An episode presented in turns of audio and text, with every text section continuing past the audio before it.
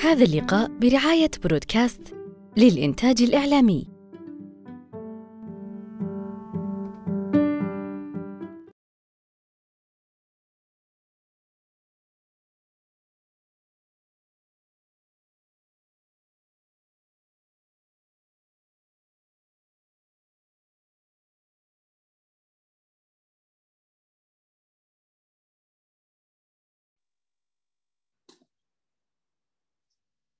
بسم الله الرحمن الرحيم. أهلا وسهلا بكم أصدقاء ضاد في اللقاء رقم 145 من لقاءات صالون ضاد الثقافي.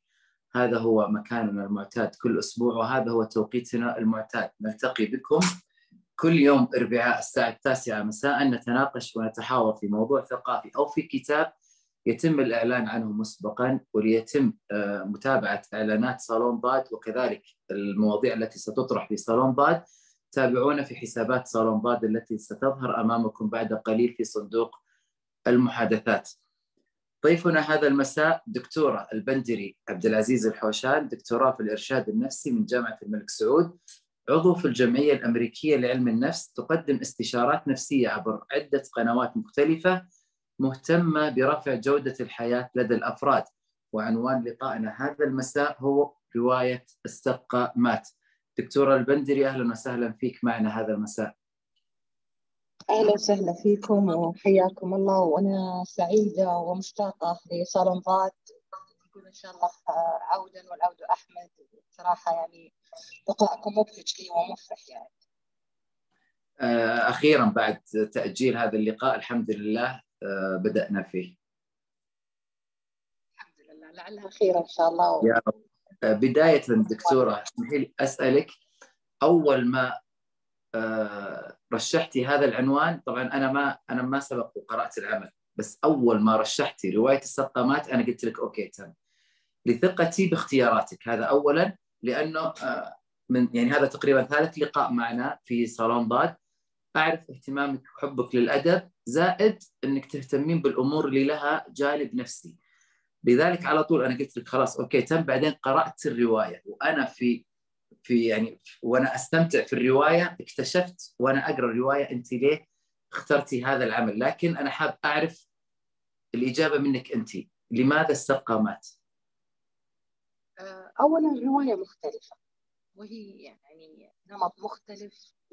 للأديب يوسف السباعي يعني في رواياته. ثانيا هي تحدي لي. أنا قرأت هذه الرواية في يعني من في وقت سابق جدا جدا وأنا في مرحلة عمرية أصغر بكثير إلا أني ما زلت أخاف منها. الرواية إلى حد ما صادمة. قد يكون لقائنا اليوم جلسة علاجية لي. أنا قاعدة أستنفع فيكم يا ضال وأستغلكم يعني. فإني أنا أتجاوز هذه المخاوف. وأنها فعلا تحمل فكرة تتجاوز حدودنا المحلية إلى آفاق العالم. هاجس إنساني آه في كل مكان وحتى في مختلف الأعمار نجد. هذا الهاجس موجود. واختياري لهذه الرواية لما تحمله يعني من معاني ما ودي نستبق الأحداث ونطرحها الآن ولكن إن شاء الله مع الوقت نتكلم فيه جميل. خلينا أول شيء نبدأ بالكاتب يوسف. طيب آه يوسف السباعي هو طبعا روائي وكاتب مصري آه من أشهر ألقاب أنه فارس الرومانسية. فارس الرومانسية هذا مسار حكايته آه مختلف نوعا ما. طبعا آه هو والده مترجم ومهتم بالأدب فالبيئة اللي ظهر منها يوسف السباعي بيئة ثرية بالثقافة والاطلاع حتى على لغات وثقافات مختلفة في زمن يعني كان هذا الشيء محدود. بعد الثانوية التحق طبعا بكلية بكلية الجيش يعني صار ضابط. عمل في مراكز يعني مختلفة كان ضابط جدا مميز في مساره حتى في السلك العسكري. صار قائد حتى لسلاح الفرسان وهذا كان في مجموعة ظهرت بعدها بفترة اللي هي ثورة ضباط الأحرار. هو كان من أفراد الثورة. ما كان من الصف الأول لكن من كان الأفراد والمؤيدين خاصة القيم الإنسانية اللي في الثورة فهو كان متحمس لها كثير. طبعا كان تقلد مناصب كثيرة رئيس تحرير أعتقد مجلة آخر ساعة إذا ما خانتني الذاكرة. بعدين آخر منصب تولاه كان وزير الثقافة. شارك طبعا في حرب فلسطين. شارك في يعني حتى ثورة الثورة نفسها كان من المشاركين فعليا فيها. المفارقة طريقة موت وتوفي كسياسي قتل. بسبب موقف سياسي إنه كان طبعا من الناس بحكم منصبه من الناس اللي راحوا مع الرئيس السادات في معاهدة السلام. ونتيجة لهذا الموقف طبعا أغتيل. على ايادي متطرفة. ايا كان الصراحة الأسباب الا اننا نعتبرها أيادي متطرفة. يعني أنا بالنسبة لي موضوع محزن يعني لأنه فعلا كان بحكم منصب يعني ما هي ما هو توجه فعلا يعني آه يعني ما نبغى نخوض في النوايا زي ما نقول ولا ودي عاطفتي تظهر اني أنا شوية يعني أتعاطف معاه كثير. آه طبعا آه هو له عدة روايات وكل رواياته أغلب أفلام الأبيض والأسود الرومانسية اللي تفرجنا عليها كانت رواياته. رد قلبي إني راحلة نادية كان يعني كانت أغلب كثير من رواياته كانت كذا ببساطة قصة حب بسيطة بين الطرفين وكانت كلها في خدمة آه أفكار الثورة في ذلك الوقت ويمهد لها يعني. آه لين جتنا هذه الرواية اللي فعلا مسارها مختلف اللي هي روايه السقمات أو السقمات باللهجه المصرية. يعني يمكن هذه أهم الأحداث الموجودة في شخصية كاتب لليوم جميل. نبدأ بالشخصيات دكتورة. الشخصيات اللي موجودة في الرواية. الشخصيات اللي موجودة في الرواية كثيرة جدا آه، سواء في الرواية والفيلم تقريبا نفس الشخصيات. لكن عندنا شخصيتين مهمة اللي هو آه، آه، عندنا شوشة. اللي هو وعندنا اللي هو طبعا السقا وعندنا الشخصية الثانية اللي هو المطيباتي أو الحانوتي وهو الشخص اللي يروح بعد يعني زي اللي في لما يصير في دفنة أو كذا يكون مع الناس اللي تمشي ورا ورا الدفنة. وفي شخصية اللي هو المتمركز على الصنبور أو على حنفية الموية. هذه من الشخصيات اللي نطرحها. في أيضا ابن ابن السقا. وكان يعني حتى في الفيلم كان شخصية الطفل بارزة جدا. في أيضا عندنا شخصية والدة زوجة السقا أو أو أو السقا يعني بنقولها بلهجتنا. هذه الشخصيات كلها تتصارع خلال الرواية وكل منهم يحمل فلسفة معينة ويمثل رمزا معين. جميل. الأكثر الشخصيات اللي شدتك في الرواية؟ طبعا حيكون الحانوتي والسقا نفسه طبعا.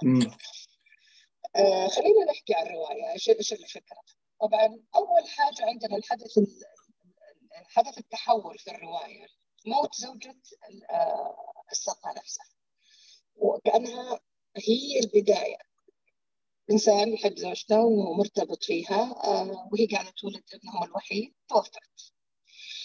آه أول حاجة لما جاء آه لما نفكر ليش أختار المهنة؟ ليش ما أختار له مهنه ثانية؟ مزارع آه أختار له أي يعني أي مهنة ممكن تكون موجودة أو مثلا شخص يعمل صنايعي أو شيء من هذا القبيل، ليش أختار هذه المهنة؟ اولا هذه المهنة آه مهنة كانت موجودة في العشرينات في الغالب والرواية كتبت في الخمسينات فكأن يوسف السباعي ياخذنا بالزمن إلى ماضي أقدم إلى مهنة لم تعد موجودة حتى من يعني من فترة أو زمن بعيد لكنها تحمل رمز الماء هو مصدر الحياة. كلنا ممكن يعني أو أغلب البشر أو حتى المخلوقات الحية ممكن تستغني عن الطعام لفترة لكن الماء هو يعني شريان الحياة. حتى من الإنسان يعني لما يعطش حتى ممكن تعطل حتى عندك كل شيء حتى ما يقدر يستوعب ما يقدر يقوم بأي نشاط يقول لك أنا عطشان ماني قادر. وكأنه فعلا الحياة. فاختار هذه الاختيار هذه المهنة ما هو اختيار عشوائي هو مصدر الحياة رمز للحياة. إلى إلا أن حامل هذه المهمة اللي قاعد يوزع الحياة لأفراد الحي فعليا يعتبر ميت. من بعد حدث وفاة زوجته وهو سجن نفسه في دائرة الذكريات والتذكر ما يحدث. وحتى كان إنه يعزي نفسه يعني حتى لو تلاحظون عندنا في الرواية وحتى الصفحة الموجودة آه ما أدري يذكرون إن الصوت مو واضح؟ بحاول أقرب المايك. يبدو لي إن الصوت الصوت شوي مو واضح دكتورة لو يتو... لو يوضح. متقطع ولا بعيد؟ لا بعيد شوي. تمام بحاول أقرب صوتي شوي. طيب آه كان طبعا زي ما قلنا هو مصدر الحياة إلى أنه هو يفتقد للحياة نفسها. بعد وفاة زوجته آه قفل نفسه في الذكريات. آه فأصبح آه يعني منغمس في هذه الذكريات في الأحداث في الموت في الحزن. الآية المذكورة هنا والصابرين في البأساء والضراء وحين البأس أولئك الذين صدقوا وأولئك هم المتقون. حتى في في الفيلم كان كانوا يعني يركزون على لوحات كثيرة تحث على الصبر لأنه هو يعتقد أنه صابرا. لكن الرسالة اللي كان يبغى يوصل له إياها يوسف السباعي أنه هذا لا يعتبر صبر عندما يحدث لي حدث معين وأنغمس فيه وأنا أقول لا أنا راضي. هنا ليس الرضا الحقيقي بل الرضا يأتينا في الحاله العكس تماما. بعد حادثة معينة اللي الحادثة اللي طبعا اللي غيرت مجرى الرواية. الحدث الأول كان وفاة الزوجة الحدث الثاني شخص بسيط يحب الحياة يعني عنده بعض خلينا نقول بعض ما هو ملتزم تماما راح كذا بداية يبغى ياكل حتى ما معه حتى فلوس يدفعها ثمن الوجبة اللي هو يبغى ياكلها هذا يوضح لك إنه حتى ما عنده ما يفكر لما بعد. قصده يعني بكل بساطة يعني. آه إنه حمد إيش المشكلة بس خليني آكل أبغى أشبع رغبتي الحاليه آه والأكل هنا رمز للحياة. ورمز للحياة يعني لل... اللي أنا اسوى الاستمتاع بالموجود. طبعا لما راح الحدث اللي صار إنه دفع عنه المال وصارت في صداقة ما بين الضدين واحد منغمس في الموت وهو يبيع الحياة أو هو مهنته ان يوزع الحياة متمثلة في رمز الماء والآخر يعمل في يعني مهنة متعلقة بالموت. ومع ذلك إنه عايش الحياة أو عارف كيف يعيش الحياة باختصار. فهنا يقول لنا يوسف السباعي أنه ممكن نتعلم من أبسط الأشخاص من أبسط المواقف. وكأنه يقول لنا رسالة للأشخاص اللي يظهرون في حياتنا أحيانا يحملون رسالة. حتى لو إحنا نشوفهم عاديين أو أو مختلفين أو بعيدين تماما. يعني هو كان حتى في البداية اللي شاف الفيلم كان يركزون على أنه كيف كان يطالع يطالع باحتقار يعني. لأنه يعني شوية ما هو ذاك الشخص الملتزم بالمعنى العام. إلى أن حمل له أهم رسالة توضح فعلا معنى الحياة أو الطريقة اللي ممكن نعيش فيها. فهذه يعني زي ما نقول العقدة الأساسية. هذه الحدثين الرئيسيين. وفاة الزوجة. وما حدث لهذا للسقة يعني أو السقة زي ما ممكن نقولها. والالتقاء بهذا الشخص ودخول أفكار جديدة وشخصية جديدة برغم من انه بيئته المحيطة عكس تماما الشخصية التي يظهر فيها. آه طبعا حتى إنه كثير إنه يعني ويظهر هنا في بعض المفارقات آه لما يحدث يبدأ يتأثر فيه شوي ويبدأ يلتقي فيه ويدخل البهجة حتى للبيت، البيت كان كئيب المكان اللي كان فيه عايش فيه مع ابنه ووالدة زوجته كان جدا يعني هادي. إلا أن هذا أدخل لهم شوي نوع أدخل لهم الحياة وأدخل لهم بهجتها. إلى أن تأتينا المفارقة العجيبة بوفاة هذا الشخص. وهو جالس. يعني بدون أي زي ما نقول بدون أي دراما يعني. هو جالس آه توفى. فهنا جت الصدمة الثانية. وكأن يعني مفهوم الرضا هنا يتمثل. إن لم ترضى في المرة الأولى في الموقف الثاني يجب أن ترضى. طبعا كان في عدة حوارات. هي على لسان الشخصيات. فيها بعض يعني لو قلنا فيها بعض التجاوز. وكانها تساؤلات حوار نفسي. وإحنا نعلم إنه يعني حتى ما يدور في أنفسنا في المواقف لا ما نحاسب عليه إلا فيما نقول. فأنا طبعا بما أنه خارج الموقف صعب ان نحكي عنها وتفاصيلها. لكن هي هي خلينا نقول هي محاولات هذا الشخص للاعتراض دكتورة يبدو لي إنه في مشكلة فعلا في الصوت. طيب خليني آه، بغير الشبكة وأشوف لعلها. طيب أوكي. على بال ما تغيرين الشبكة اختصارا يعني أو اكمالا للحوار اللي أنا سمعته منك والقراءة اللي أنا قرأتها كان في شخصيات مهمة في الرواية. الشخصية الأولى اللي هي استقى اللي هو كان آه، تقريبا إنسان ميت. يعني بعد وفاة زوجته هو تقريبا ميت ويدعي الصبر والرضا لكنه أبعد عن الحياة مبتعد تماما عن متع الحياة. ورغم إنه كان وظيفته الأساسية إهداء الحياة لأنه في الوقت اللي كتبت فيه الرواية أو الزمن اللي كتبت فيه الرواية كان العصب الحياة وسر الحياة هو السقه، السقايين هم اللي كانوا لو ما اشتغلوا الناس تموت عطش. زائد إنه شحاتة أو الثاني الشخصية الثانية اللي منغمس في حب الحياة آه، كان يشتغل آه، يمشي في الجنازات أو اللي يسمونه مطيب الجنازات يعني رزقه من الأموات. كل ما شاف جنازة انبسط إنه في فلوس. فالنقيضين جمعهم يوسف السباعي في شخصية شخص يهدي الحياة وهو أصلا ميت والشخص الثاني منغمس تماما في الحياة وهو اللي ياخذ الأموات إلى مكانهم الأخير. من هنا تظهر آه، فلسفة الحياة والموت اللي جسدها يوسف وأيضا آه، رؤية المخرج اللي أبدع فيها في العمل. معنا دكتورة؟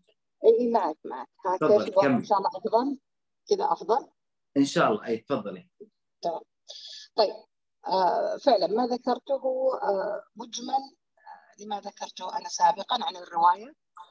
آه طبعا لين يعني يبدأ كذا ثورة على نفسه ويبدأ يقول أنا حنغمس في الحياة ويبدأ يأخذ يعني يفكر إنه يعني يكون طموح أكثر ويترقى ويمسك المنصب آه، إنه يكون شيخ السقايين في الحارة آه، إلى أن تاتينا اخر يعني آخر حدث يختم فيه الرواية اللي هو وفاته.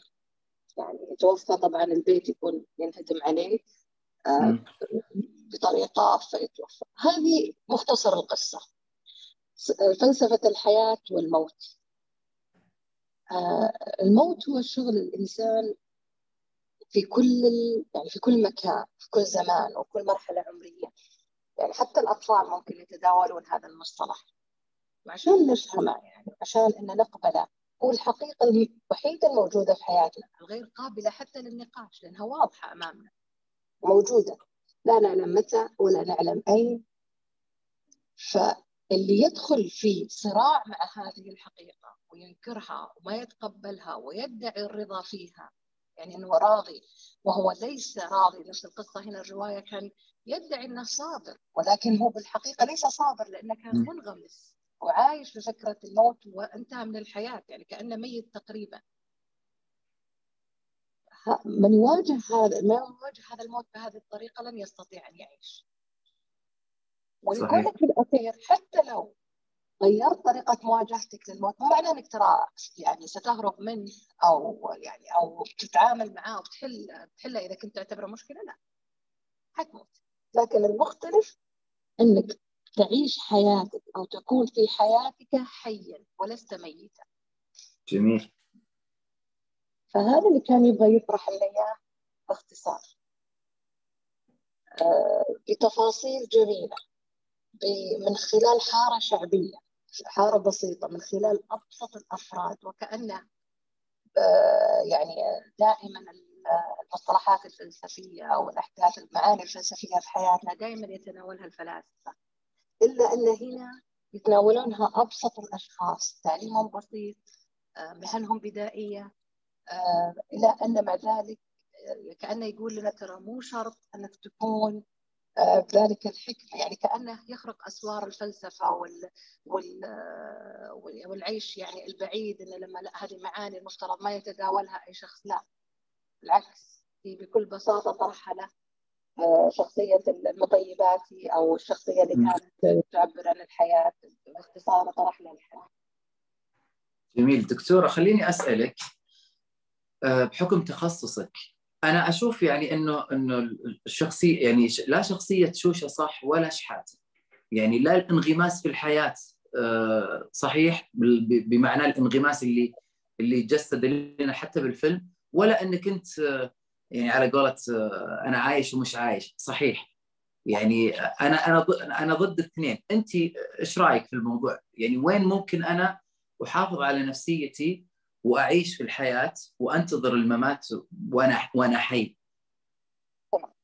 آه، أنا دائما أرى أن الصح نسبي والخطأ نسبي. آه، برأيي أن من لم يرضى بالقضاء قد يكون يعني يحتاج أنه يتجدد ويراجع إيمانه أكثر من أي شخص يكون في أخطاء منغمسة في الحياة. مو معناها انه نجيز لا طبعا أكيد. وبالعكس يعني الإنسان كل ما اقترب إلى الله سبحانه وتعالى وهذا حتى الدراسات الحديثة ان الروحانيات تزيد آه، من توافق الإنسان النفسي. ولكن أحيانا نخدع أنفسنا باستخدام آه، يعني مثلا باستخدام حتى إن تديننا في إن ما نعيش الحياة بالعكس الحياة يعني عمارة الأرض هي مهمة الإنسان الأولى يعني حتى كثير من الناس تأخذ بعض يعني البعض ياخذ من المواقف آه، زهد يعني كاملة آه، من باب إنه أنا أبعد عن الحياة لكن حتى حتى الرهبانية التي موجودة في الديانة النصرانية لم يضعها الله سبحانه وتعالى هو اجتهاد منهم لانها تختلف مع طبيعة الإنسان ورسالته.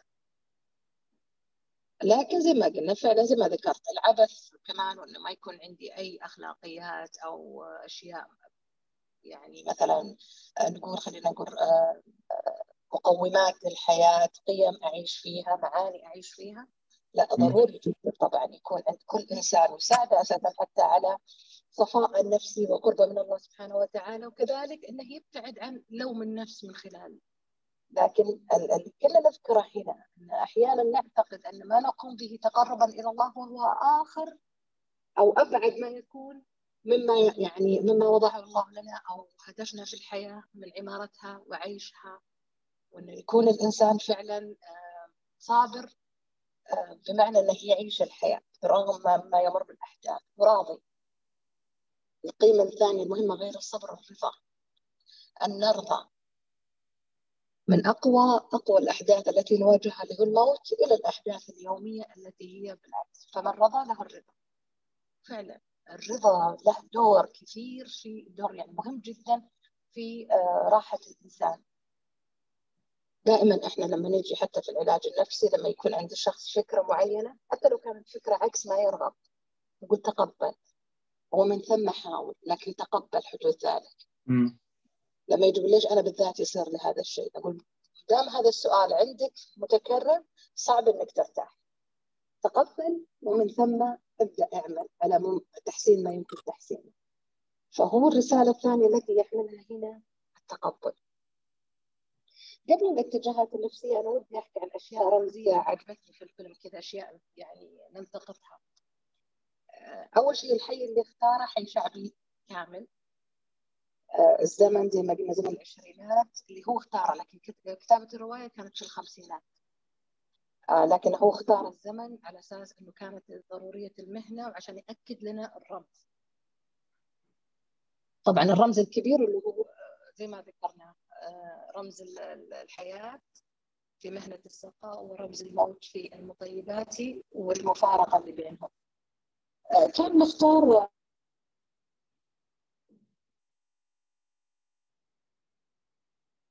دكتور الصوت انقطع عندك. طيب لين يرجع صوت الدكتورة. واضح من الصورة اللي موجودة. هذا اللي كان في الزمن الماضي هذا هو هذه هذه مهنة السقايين فعلا زي ما قالت الدكتورة يعني آه، أتذكر المقولة اللي أعمل لحياتك أنا ما أدري هي مقولة أو حديث شريف اللي أعمل لحي... أعمل في حياتك كأنك تعيش ابدا وأعمل لمماتك كأنك تموت غدا. هي الوسطية هي الصح.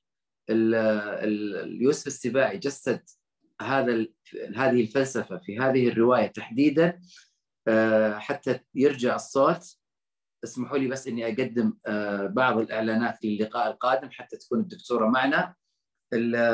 الأسبوع القادم إن شاء الله بيكون عندنا آه، لقاء بتقدم الاستاذه العنود عبد الله وبتكون المحاورة الأستاذة فايزة أحمد. مناقشة كتاب هبة الألم إن شاء الله في يوم 14 اللي هو الأربعاء القادم. أيضا بكرة إن شاء الله نبي نعلن عن مسابقة القصة القصيرة كما عودناكم وهذه هي النسخة الثانية لرواية أو لمسابقة القصة القصيرة جدا سبق وقدمنا آه، قبل كذا الجزء الأول لكن الجزء الثاني هذا بيكون مختلف بإذن الله لأنه بيحمل اسم غالي علينا جميعا اللي هو بتكون آه، مسابقة خزام للقصه القصيرة. طبعا آه، مثل ما أنتم عارفين إن في يوم 14 فبراير هو يوم العالمي للقصة القصيرة. في هذا اليوم 14 فبراير راح نعلن عن الفائزين. بكرة إن شاء الله جميع التفاصيل لهذه المسابقة بتكون متاحة في حساب تويتر والتويتر لصالون باد والإنستغرام. تابعونا في حسابات تويتر بتلاقون آه، تفاصيل هذه المسابقة. دكتورة معنا؟ طيب بالنسبة لل, لل... للرواية للعمل. أنا أنا استمتعت كثيرا في الرواية وراح آخذ المداخلات الصوتية بعد عودة الدكتورة بس. حتى تعود الدكتورة بتكلم شوي تعليق بسيط. استمتعت كثير في الرواية. بعد ما شفت العمل فعلا آه، استمتعت كثير في العمل. بداية العمل كان صوت أذان. يعني أنا أنا فهمتها هنا كأن المخرج يبغى يوصل لنا رسالة إنه ما دمت أنت تخاف من الموت. وانت خمس مرات تسمع الأذان وخمس مرات انت تروح لله سبحانه وتعالى. كل صلاة انت تلتجئ إلى الله وتقول الله أكبر تصلي. فما دام انت خمس مرات تذهب إلى الله ليش خايف إنك تموت؟ وفي الأخير انت بتعرف إنه بعد ما ما تموت انت بتقابل الله سبحانه وتعالى. هذه هي رسالة الفيلم. الفيلم يخليك تنظر للموت مو باحتقار لكن مو بخوف. هو حيجي إما ياخذ حبيب أو قريب أو ياخذني أنا. لذلك ما يصلح إني أنا أموت حتى يأتي. لا لازم أنا مثل ما الله كلفني أعيش في هذه الحياة وأعمر هذه الحياة وأستمتع وأعبد الله طبعا حتى يأتيك اليقين. فهذه فكرة الرواية بشكل عام. طبعا بأسلوب جميل أسلوب فلسفي. الغريب أن كل هذا الزخم والكم الهائل من الفلسفة تكتب بشخصيات بسيطة وفي ذلك الزمان. يعني يعني آه، كنت أتمنى وأنا أشوف الفيلم إنه يعاد تصوير هذا الفيلم بالتقنيات الحديثة. يعاد تصوير هذا الفيلم بالإخراج الحديث بالألوان وبالكاميرات الحديثة واللي واللي نشوفه الآن في الاحترافية في الإخراج. الفيلم آه، للي ما يحبون يقرؤون ويبغى الرسالة توصل في ساعة ونص يتابع الفيلم. كل الكلام اللي حكيناه إحنا عن الفيلم ما يغني آه، أو أو عن الرواية بشكل عام لا تعتقد إنه أفسد آه، الرواية اسمها سقامات والفيلم اسمه السقامات لا تعتقد إنه كلامنا هذا كله إحنا نتكلم من جانب فلسفي لكن السواليف والحوارات اللي موجودة داخل الفيلم أو داخل الرواية آه، مهما تكلمنا عن هذا العمل لن يكون حرق للقصة. يعني آه، ما راح نفسد المتعة. حتى تعود الدكتور الدكتورة معنا.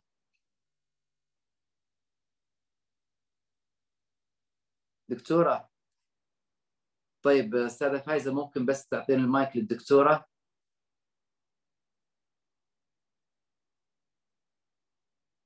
إي تمام. أيوه السلام عليكم.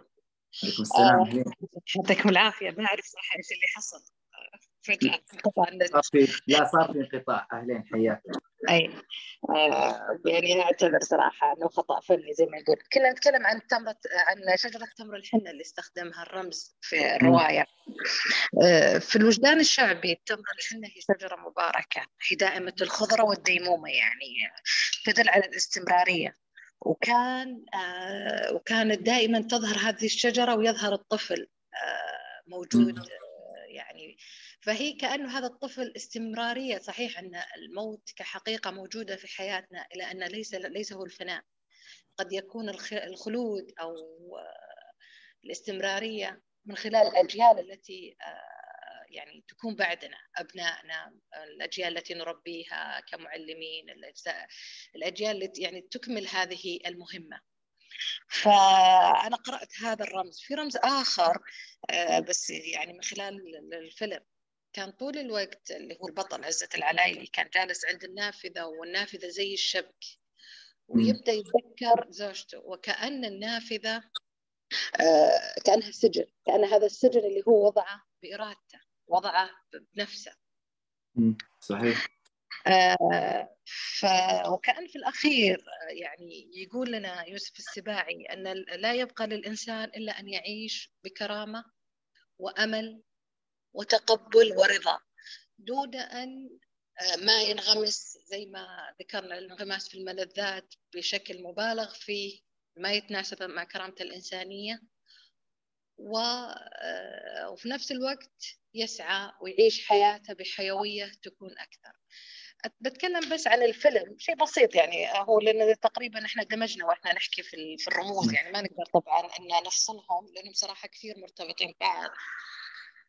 الفيلم المخرج صلاح أبو سيف صلاح أبو سيف معروف بالواقعية في منهجه وأسلوبه فكان يجيب الحارة الحقيقية يعني حتى مو بس في هذا الفيلم أي فيلم نلاقي المخرج صلاح أبو سيف نلاقيه يمثل الواقعية الحارة نفسها الأشياء اللي تستخدم يعني زي ما نقول ما كان يبني است... يعني مباني أو استديوهات لا كان يروح في المكان يعني حتى لو كان في قرية أو كذا.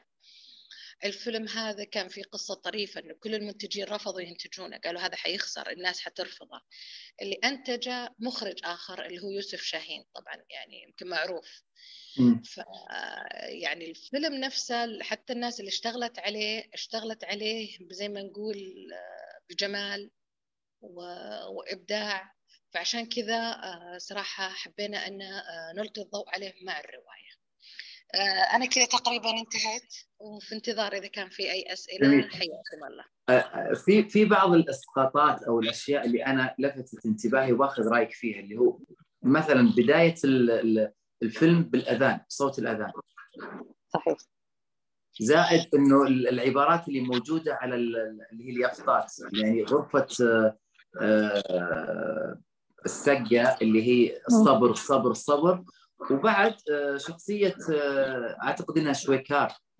أيوه صحيح. كانت كانت ال ال ما أدري إيش يسمونه عندهم نسيت اسمه.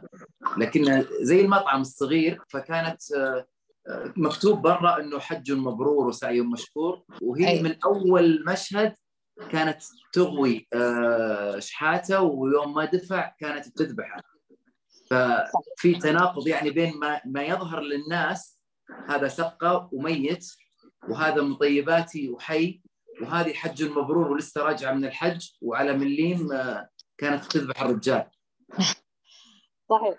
طيب شوف خلينا ناخذ أول شيء الأذان كرامز الأذان طبعا زي ما قلنا هو صلاح أبو سيف حريص إنه ينص يعني يوضح الصورة الواقعية في الحارة. كمان الأذان هو لقائنا بالله سبحانه وتعالى اللقاء المتجدد خمس مرات. وكذلك الموت. هو لقائنا بالله سبحانه وتعالى. ليش نقبل على لقائنا اليومي ونخاف من هذا اللقاء؟ جميل. فأنا أعتقد هذه اللي كانت حتى يوسف إدريس عفوا يوسف السباعي تناولها في خلال الرواية. بالنسبة كانت هذه مو بشويكار كانت أعتقد تحية كاريوكا وهذا المكان يسمونه مصمت مصمت اللي يبيع اللحمة. بالضبط اي هذا هو يبيع اللحمة حقت يعني الجزارين وكذا فكانت هي يعني وريك إنها يعني زي ما قلنا هذا الفكرة فيها انها كانت هذه الشعارات إن أحيانا أحيانا نظهر الدين لكن بداخلنا ما في أي إنسانية، الدين هو الإنسانية جزء منه مهم. يعني يوم درت ان ما معه فلوس تحولت إلى زي ما نقول وحش كاسر يعني. صحيح. فهو كان يوريك المفارقات، يعني لا نعلق يعني ممكن أحط 100 لوحة لكن ما لا تعني شيء، المهم ما هو بداخلي. ممكن ألبس زي معين لكن ما يعني شيء، المهم الدين يكون من داخلك تعاملك مع الآخرين، إنسانيتك معاهم.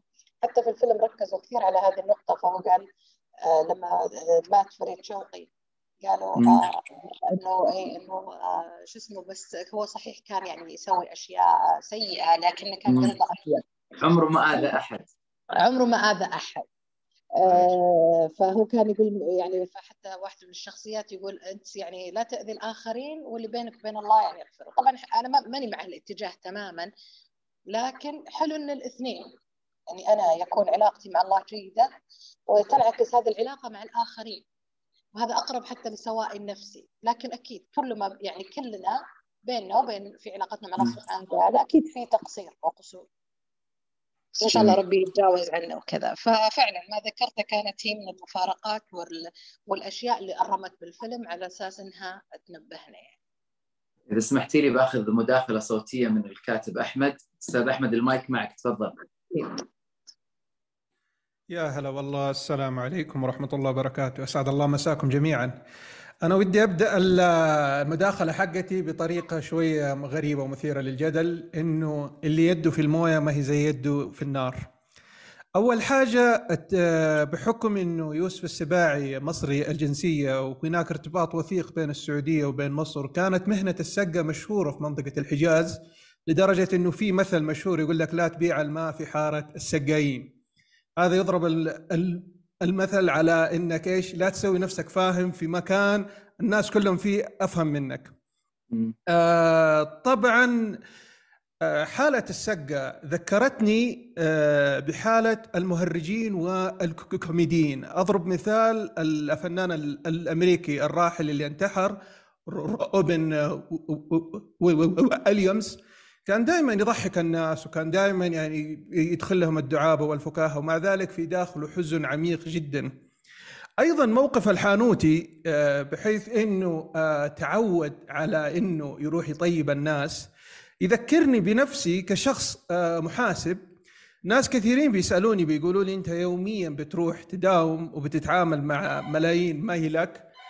فقالوا لي يعني أنت كيف بتتقبل الشيء هذا؟ فبقول لهم يعني الموضوع طبيعي جدا بالنسبة لي ما هو حاجة غريبة. آه تعقيبا على ما ذكرته في بداية المداخلة اللي يده في الموية ما زي يده اللي في النار أنا أقدر أصنف نفسي كأني أنا من آه مثل حالة السقة. خصوصا أنا عايش هنا في مدينة أبها. والسبب في ذلك إني أنا ما زلت حابس نفسي في ذكريات الولايات المتحدة الأمريكية اللي عشتها سنة 2014 2015 طبعا السبب في ذلك هو فراغ كبير كبير كبير جدا أنا عايشه هنا في أبها. ف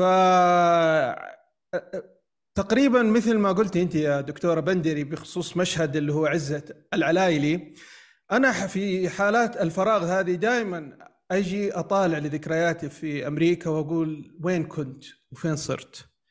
فالسبب في ذلك يعني الواحد صعب إنه يعني إنه إيش آه يقول والله أتقبل أو أرضى أو شيء من دون ما هو عايش تفاصيل الشيء هذا بكل مرارته يعني. عرفتوا كيف؟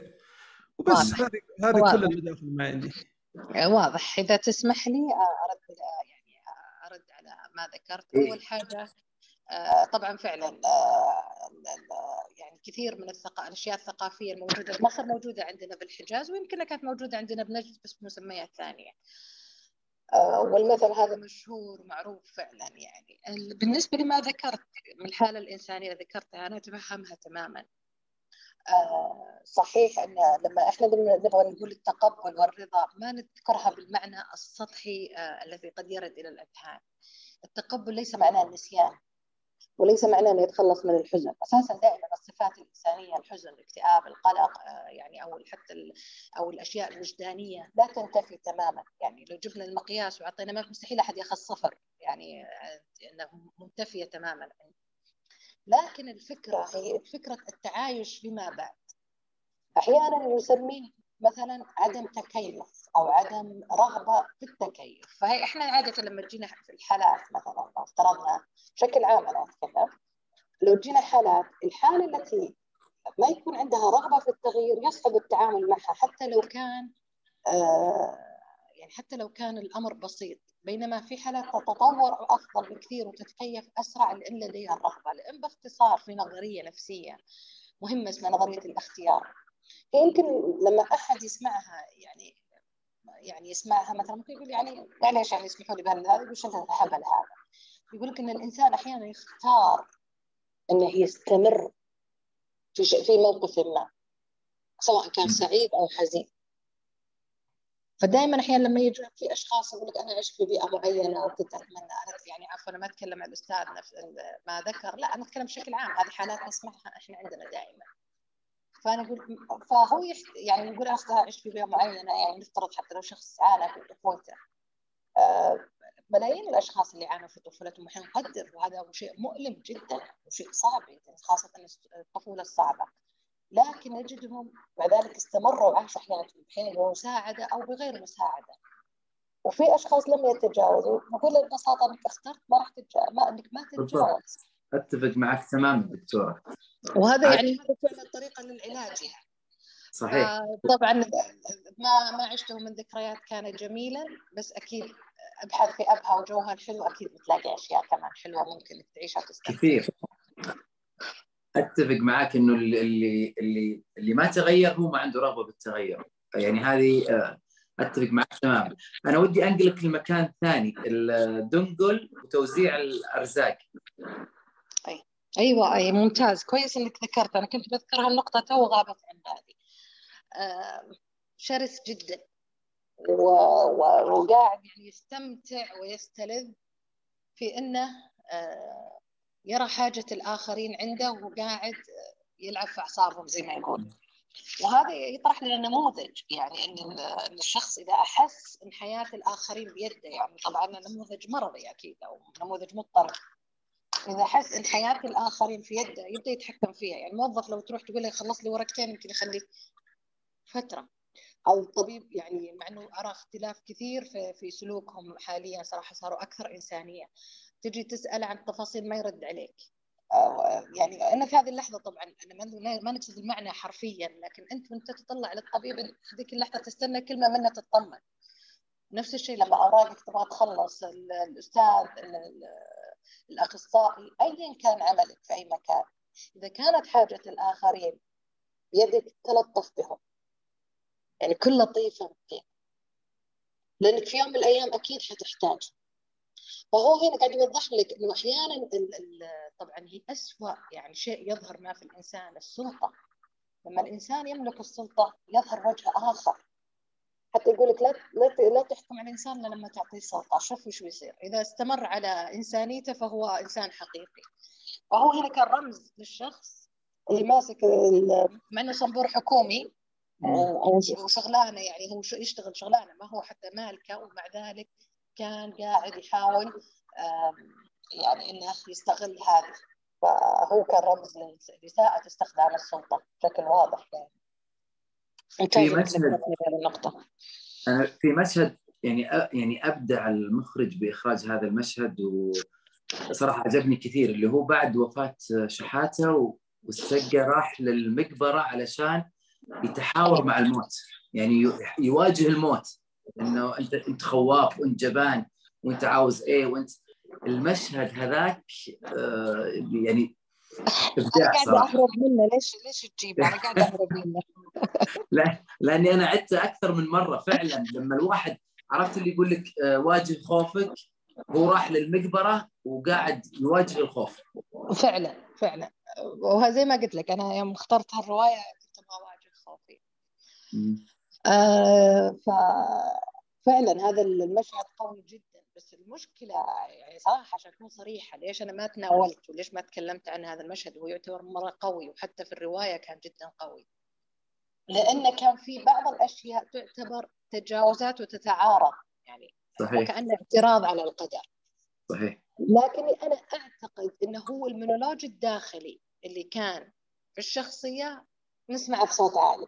فعشان كذا قلت لو تتذكر في بداية الرواية قلت إن الله لا يؤاخذنا بما لا نقول في واحد أكيد عبارة أو أكثر مما ذكر مر في ذهننا لكن هو هو هو جابها زي ما تفضلتي إنه مونولوج يعني قاعد واحد واحيانا ترى الواحد في لحظات السخط وكذا يقول مثلا ليه أنا؟ يا ربي ليه أنا؟ هذا ما يجوز لكن في حالة الألم أو وقوع المشكلة أو المصيبة يعني الله يلوم اللي يلومه يعني مسكين يعني ممكن طلعت غصب عنه وبعد دقائق يقول استغفر الله.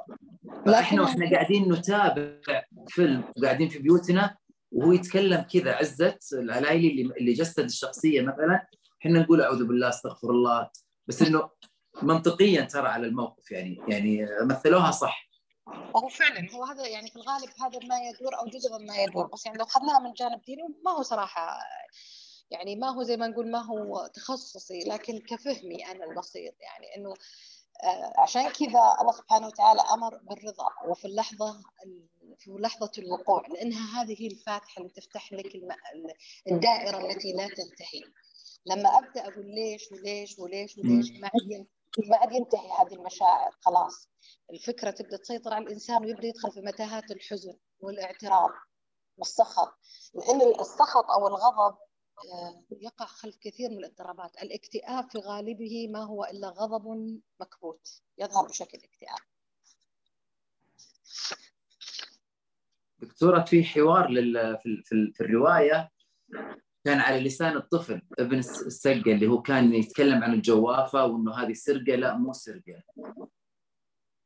أيوه بالنسبة لك شوف أنا أنا أعتقد إنه كان هنا يعني نظرتي الشخصية تماما. آه، زي ما نذكر انه ثورة الضباط الأحرار اشتراكيه فأنا أعتقد إنه قاعد يعني يعطينا آه، كذا زي التلميح إن نتقبل هذا المبدأ. إنه خاصة المصادر الحياة الأساسية يجب أن تكون من حق الجميع وتكون اشتراكيه وحتى الثوار آه، الضباط وش قاموا فيه توزيع الملكيات يعني كان يعني كنوع من تحقيق العدالة. طبعا أثبتت يعني الواقع مو إحنا اللي نقول أثبتت إنها انتهت يعني انتهت كل الدول الاشتراكية أو الشيوعية أو إلى آخره انتهت أساسا وأنت إنه مذهب فاشل. لكن أنا أعتقد إنها كانت إشارة. إيه. آه خاصة إنه آه ينتمي للضباط الأحرار وهذه كانت جزء من يعني اللي هي ثورة آه، جمال عبد الناصر وما إلى اخره وكانت هذه يعني كانت هذه أحد المبادئ اللي كانوا شروها ونفذوها أنا أعتقد إنها قد تكون ذلك. طيب إيش رأيك دكتورة بالأقوال أو المقولة اللي تقول إنه الرواية هذه ما ما تتفق مع نسق كتابات يوسف؟ آه، يوسف إدريس عفوا يوسف السباعي آه، لأن أحب يوسف إدريس إن شاء الله يوم من الأيام نتناول إحدى رواياته ومسرحياته. بإذن الله. يوسف, السباعي كارث الرومانسية باختصار. لغة سهلة وجميلة ولغة للجميع زي إحسان عبد القدوس. روايات آه، للمراهقات والكبار وإلى آخره. تبغى تقرأ شيء خفيف تريح رأسك تمسك واحدة من رواياته أو تشوف واحد من أفلامه. فلما آه، مو معنى إني اسفهها لا بالعكس يعني حتى لغته جميلة ورصينة لكنها بسيطة يعني يعني زي ما نقول حدوته يعني حكاية. آه، وحتى الأفكار الرمزية واضحة ما فيها حتى إنك تتعب مخك وتقعد تقرأ. لكن هذه الرواية لا لا والله متعبة جدا جدا يعني متعبة على المستوى الإنساني لأنها تواجهك بمخاوفك. اللي قاعد تفر منه هذا هو موجود والحقيقة الوحيدة. يعني الفناء أو الخلود هاجس الانسانيه الأول. الأهرامات ما هي إلا محاولة للإنسان بالبقاء. يعني حتى الهرم أو القبور ويمكن واللي دارسين هذه الأشياء أعلم مني بأنها حتى تصير مؤثثة اثاثا كامل لأن حياة ثانية. ما ما تقبلوا فكرة الموت. فقال لا أوكي صح أنا بموت هنا. بس ترى بعيش حياة ثانية. فخليني أجهز وأبدأ أبني وأبدأ. ما فهي هذه المحاولات ظاهرة لنا.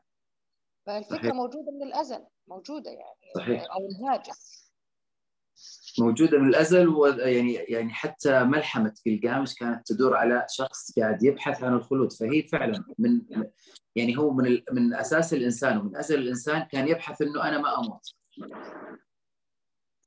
جميل. أنا أشوف في الشات والله في أسئلة جميلة بس ما ماني لا ماني قادرة أفتحها. إذا لا حابين نتناول شيء منها أو تفتحون المايك أنا, أنا ودي إنهم يتجرؤون على المايك كذا ودي يسمعون اللي يريح سواء اللي, اللي شاف العمل أو الفيلم أو حتى اللي عنده وجهة نظر عن الفلسفة بشكل عام اللي فلسفه الحياة والموت.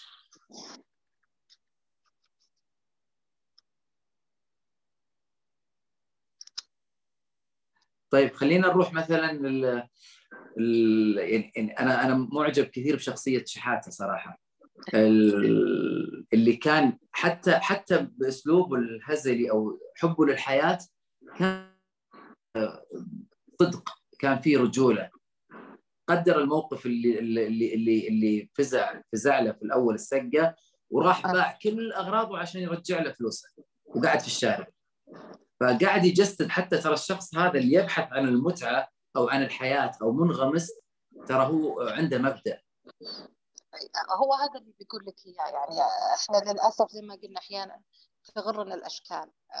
صحيح يعني هذه يعني نكرر إنها ليست دعوة لأن الإنسان ما يكون عنده أو يعني الالتزام أو التزام بين أشياء معينة. ولكن قد يظهر لنا أشخاص في عندهم تصرفات وهذه الطبيعه البشرية.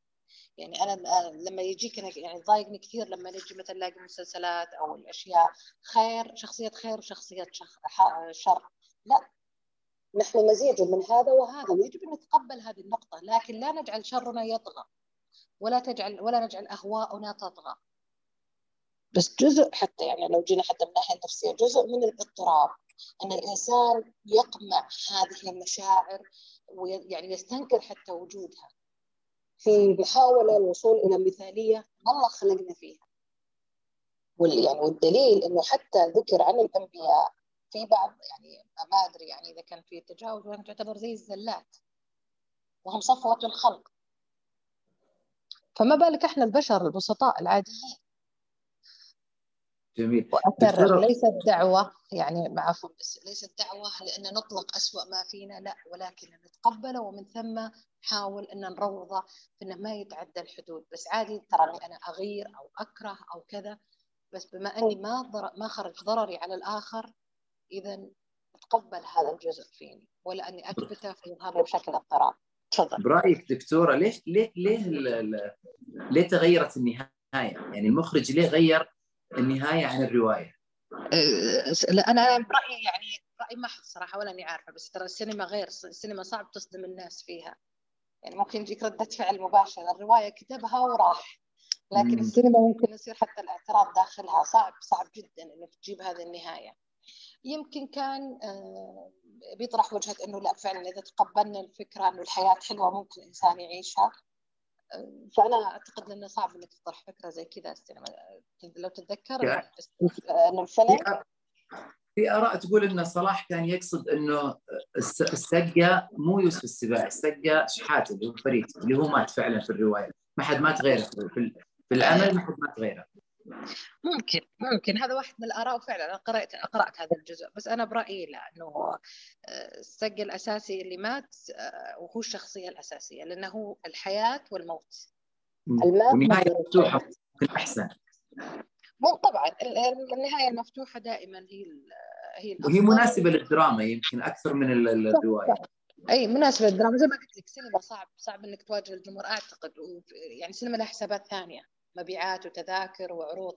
يعني حتى اللي قرأت إنه كان الفيلم طبعا في السبعينات ظهر إنه بحث يعني كانوا المنتجين رافضين. لأنه تعرف خسارة عليهم من بيدخل يشوف المأساة بشكل كامل؟ صحيح. فيمكن يعني يمكن هذه التوجهات ويمكن وجهة نظر أنه يرى صلاح بسيف إنه والله الإنسان إذا تقبل نعيش الحياة فحب إنه يصور لنا يورينا جانب. وحتى لو يوم لم يظهر في يوم من الأيام حيموت. يعني الشخصية نفسها أكيد في يوم من الأيام حتموت. فما ماتت في الفيلم حتموت بعد يعني. أنا أتذكر مشهد مشهد لما راح يواجه الموت وبرجع لمداخلة محمود بس أعطني دقيقة محمود. مشهد لما السقة راح واجه الموت في المقبرة وقاعد يتكلم. أتذكر واحد من الشخصيات اللي قابلتها مرة إنه كان كان يكلمني يقول إنه أنا كل ما فضيت أروح للمقبرة وأساعد أساعد في في أي عمل في في أي عمل يعني في المقبرة. ليه؟ قال أنا أصلا كنت أخاف من شيء اسمه موت. يعني بعد وفاة والدي صرت أخاف من الموت فقررت إنه كل ما فضيت أنا أروح له. لين صار الموضوع عادي بالنسبة لي ما عاد تفرق. صرت أشوف الناس هم حزينين وأشوف الموت دائما وأعرف إنه أنا بيجي يوم بجي هنا. فيقول قتلت خوفي أنا من الموت إني أنا صرت كل ما فضيت اقتل أنا بنفسي. إيش رأيك دكتورة؟ من وجهة نظر نفسية طبعا. أي طبعا إحنا ما نقدر نحكم على الموقف تماما من السنة يعني إذا كان تجاوز هذا ممتاز جدا يعني لأن جزء أو في طريقة في العلاج لعلاج مخاوفنا والقلق نسميها التعرض إنك تتعرض للأشياء اللي تخاف منها بطريقة تدريجية عشان ما عشان ما تخاف منها يمكن هو عندك كان خوف من المكان من المقابر نفسها وتجاوزه فهذا الطريقة اللي هو استخدمها في علم النفس علاج اسمه التعرض اني أنا أتعرض لمخاوفي كل ما تجنبت كل ما زادت مخاوفي كل ما كانت دائرة أو كرة الثلج أكبر. يعني تكبر كل مرة أتعرض مثلا زي اللي يخاف من الأسانسير ما يركب اليوم بكرة تبدأ تزيد المخاوف وهكذا.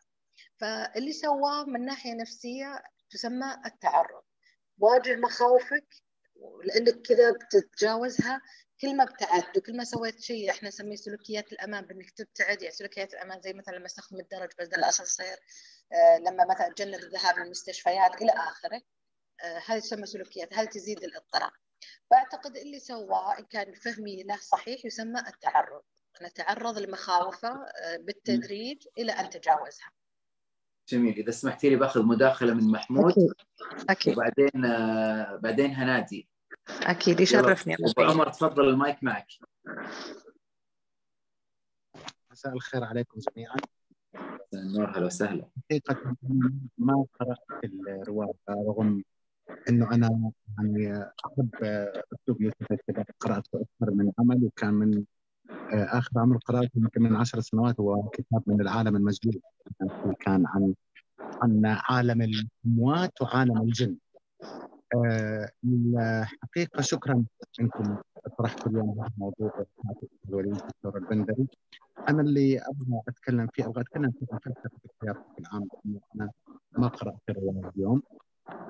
آه نرجع مرة ثانية على موضوع التعافي على موضوع الخروج من من الآلات اللي ممكن آه آه يحطنا فيها القدر سواء كانت آه، هذه الحالات آه، مرت فينا خلال فترة نشأتنا أو آه، صدمات مثل الصدمه اللي تعرض لها السابقه بوفاه أحد الغالبين عليه. وتكلم الأستاذ أحمد طبعا بهذا الموضوع وتكلمت الأستاذ بندري. ونرجع نتكلم يعني اللي اللي أنا حابب أركز فيه هنا انه مو فلسفة الحياة فلسفة الموت. كيف ممكن يكون فلسفة معينة للموت؟ وما يعتبر هذا من وجهة نظري إنه تشاؤم أو كره للحياة. ولكن كيف ننظر الموت؟ إحنا على سبيل المثال كأصحاب دين ناس عندنا دين ونؤمن ونؤمن إنه في هناك يوم اخر آه، نستطيع أن ننظر إلى فلسفه الموت بشكل إيجابي.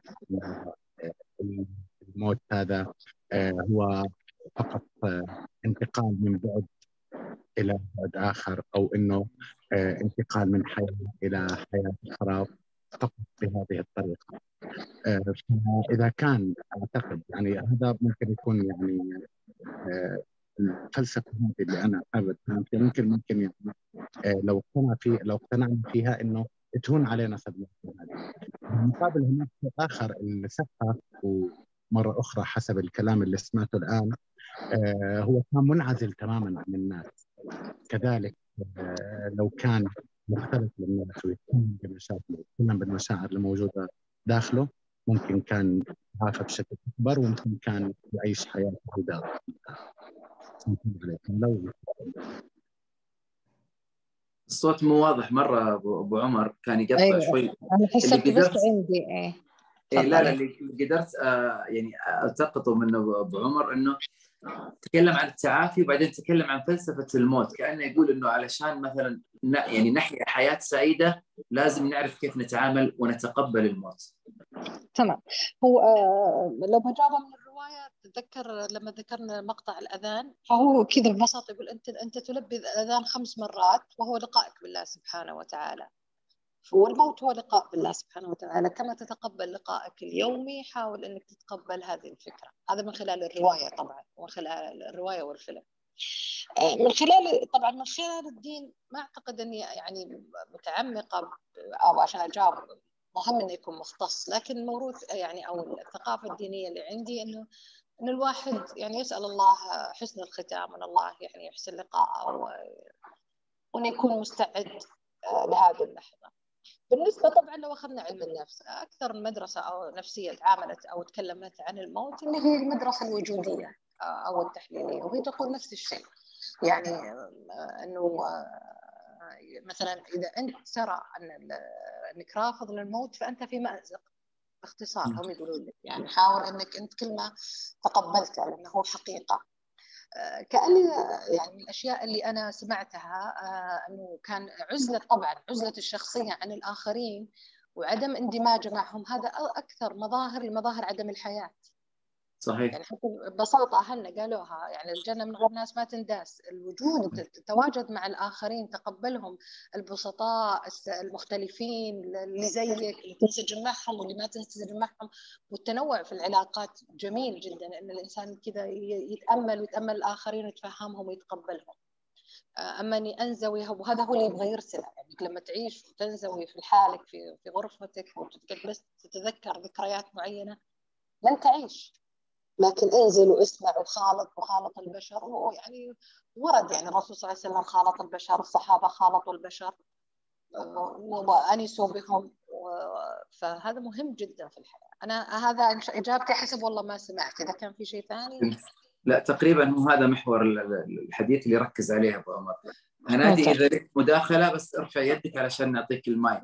أنا عجبني آه يعني من الأشياء اللي عجبتني الكثير اللي عجبتني في الرواية إنه نقل لنا مصر في ذاك الزمان. يعني أنا عرفت الأكلات والعادات والألعاب حقت الأطفال وحتى الملابس وحتى ففيها يعني فيها فيها صدق.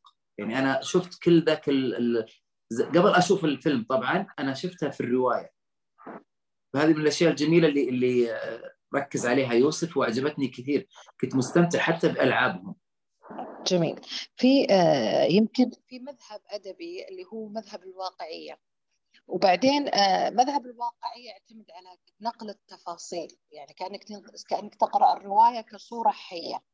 هذا حتى ترى عند نجيب محفوظ. لكن آه فيها مطعمه خلينا نقول لو صح التعبير بجواهر فلسفية. فأنا أعتقد إن هذا هو المذهب اللي كتب فيه إذا صح يعني علي الفهم إن هذا هو المذهب اللي كتب فيه الرواية مذهب الواقعية اللي ينقل لك الصورة حية. طبعا صلاح أبو سيف يعني معروف كمخرج مخرج واقعي يعني كثير يعني معروفة على هذه النقطة. ويضع الفلسفة داخل الرواية. زي جميل. رواية بداية ونهاية لو تتذكر حقت نجيب محفوظ كانت فيها نفس الطريقة. كان فيها تفاصيل تفاصيل كثيرة حتى لو تتذكر الدرج حق بيت حسن اللي هو الابن الأكبر المنحرف اللي كان فكان يقول انه درج ملتوي. فكان يستخدم من التفاصيل هذه حتى رمزية بسيطة إنه هذا يشير إلى مصير. فأنا أعتقد إنه رواية بداية ونهاية ويمكن سأمات إنه كتبت بنفس المذهب. جميل. هذا توقعي الشخصي وليس دراسه نقديه يعني زي ما يقول إذا سمحتي لي ناخذ مداخلة أستاذة هنادي المايك معك هنادي. أكيد أكيد. حياها الله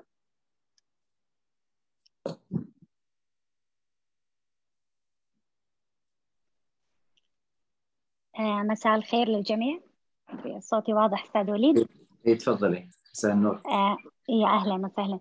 آه بالنسبة للدكتور البندري أنا صراحة قرأت ليوسف السباعي قراءة قديمة يعني قرأت له قديما يمكن من كم سنة يعني 15 سنة أكثر كذا كانت رواية نادية. وكنت في ذيك الفترة يعني جدا معجبة كثير بكتابات يوسف السباعي. بعد قبل يمكن أربع سنوات رديت اشتريت رواية مرة ثانية حاولت أقرأها للأسف ما قدرت أنسجم نهائي مع أسلوبه. آه ما أدري هل هو يعني لأني لما تكلمتي الآن عن أسلوب يوسف السباعي آه فعلا يوسف يكتب بطريقة ميسرة بسيطة جدا. يمكن إنها تناسب قراءات وأزمان معينة. آه حقيقة ما يوسف السباعي كان صديقي في يوم ما. بالنسبة للقراءة الآن أنا أسمعكم والله وأنا منسجمة في كتاب لكنه كان أوصل لي بعد بعض الأفكار. آه اللي فهمته دكتورة أنك تتكلمين عن ومع الأستاذ وليد عن آه اللي هو الفلسفة الخاصة في تقبل الحياة أن في شخص كان يرفض تقبل يعني يعني يعتبر نفسه ميت آه بسبب فقد أحد والشخص الثاني اللي هو متعايش نقدر نقول عنها أنه يعني ياخذ الحياة بدون أن يكون له هدف منها أو يعيشها على أي وجه كان. برأيك دكتورة ما هي طريقة التعافي أو التشافي بعد مرور الإنسان بصدمة صدمة الموت صدمة الفقد؟ ممتاز. آه، فقط عندي دكتورة يعني دائما كنت دائما أتكلم عن أنا بالنسبة لي أعتبر يعني من مريت ظروف صعبة في مراحل الفقد.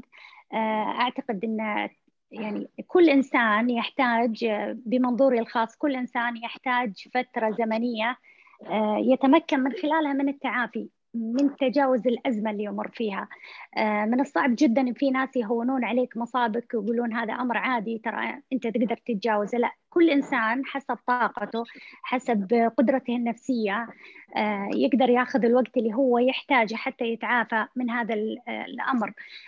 فيه كمان قاعدة فلسفية كثير يعني يقول لك إذا لم تستطع عودة هذا الأمر عليك أنك تتقبله أو تنساه أو تتعايش معه. فأعطينا دكتورة رؤيتك الخاصة للتعافي أو التشافي من خلال مراحل الصعبة اللي يمر فيها الإنسان. شكرا جزيلا لكم ما أحب أطول عليكم. يعطيكم ألف عافية. حياك الله طب بالنسبة لما ذكرتي أنا أتوقع أنا نفس الشيء. يعني يمكن كنا في مرحلة عمرية معينة كانت أقل هموما.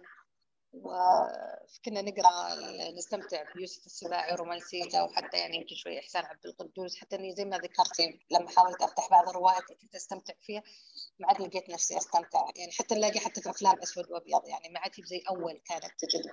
يعني فأنا أعتقد اختلاف نظرتنا للحياة أو ما عاد بارواحنا صارت مثقلة ما عاد خفيفة زي أول. آه بالنسبة طبعا آه أكيد الفقد من أصعب التجارب اللي يمر فيها الإنسان. يعني أيا كان فقد الأشخاص أو حتى الأماكن أو حتى التغييرات بالعكس يعني هي أنا لما اخترت هذه الرواية اللي تناولت هذا الموضوع وهي يعني موضوع مخيف وهادف آه ما نقدر نقول في وصفة كذا واضحة لكل شخص يختلف. يمكن لو كان الإنسان مثلا مر في مر في تجربة فقد وتجربة صدمة معينة مر فيها ولم يستطيع أن يتجاوزها طبعا الصدمة تمر في مراحل. أول شيء لما نسمع الخبر بعدين نمر بمرحلة إنكار لا مو معقول مستحيل يصير. بعدين عندنا ننزل مرحلة كذا زي القاع زي الهبوط كذا نشعر بحزن شديد وعميق بالعكس وإنه نطلب يعني إنه عادي عبر عن مشاعرك. ابكي في ذلك الوقت ولا بأس. اظهر مشاعرك. هذه أساسا هذا جزء من إنسانيتنا. بدون تجزع وسخط بالعكس وحتى الدين ذلك. ان الرسول صلى الله عليه وسلم بكى عند فقد أبنائه. فبالتالي هذه المرحلة نمر فيها. وبعدين يبدأ الإنسان بالتعافي أكيد والتشافي تأخذ وقت. لا ننسى أحبابنا. هم موجودين في قلوبنا. أحزاننا ما زالت موجودة. لكن الفارق أو الشعرة هي سيطرة هذا الأمر على حياتي بحيث أني لا أعود لممارسة حياتي. أصلا جزء من تعريف الاضطراب النفسي أن الإنسان لا يستطيع أن يعاود حياته كما كان سابقا. أما أنه ما عاد يروح مثلا عمله أو حتى يروح عمله لكنه ما هو مع الناس يعني حتى أداء ضعيف إلى آخره. هذا الأمر مقبول إلى فترة مقبول إلى شهر شهرين ثلاثة والانسان يبدا يتجاوز لكن بعد فترة أو اقصد مقبول أقصد أنه في الحدود الطبيعية. ولكن من حق أي إنسان أن يحزن قد ما يبغى.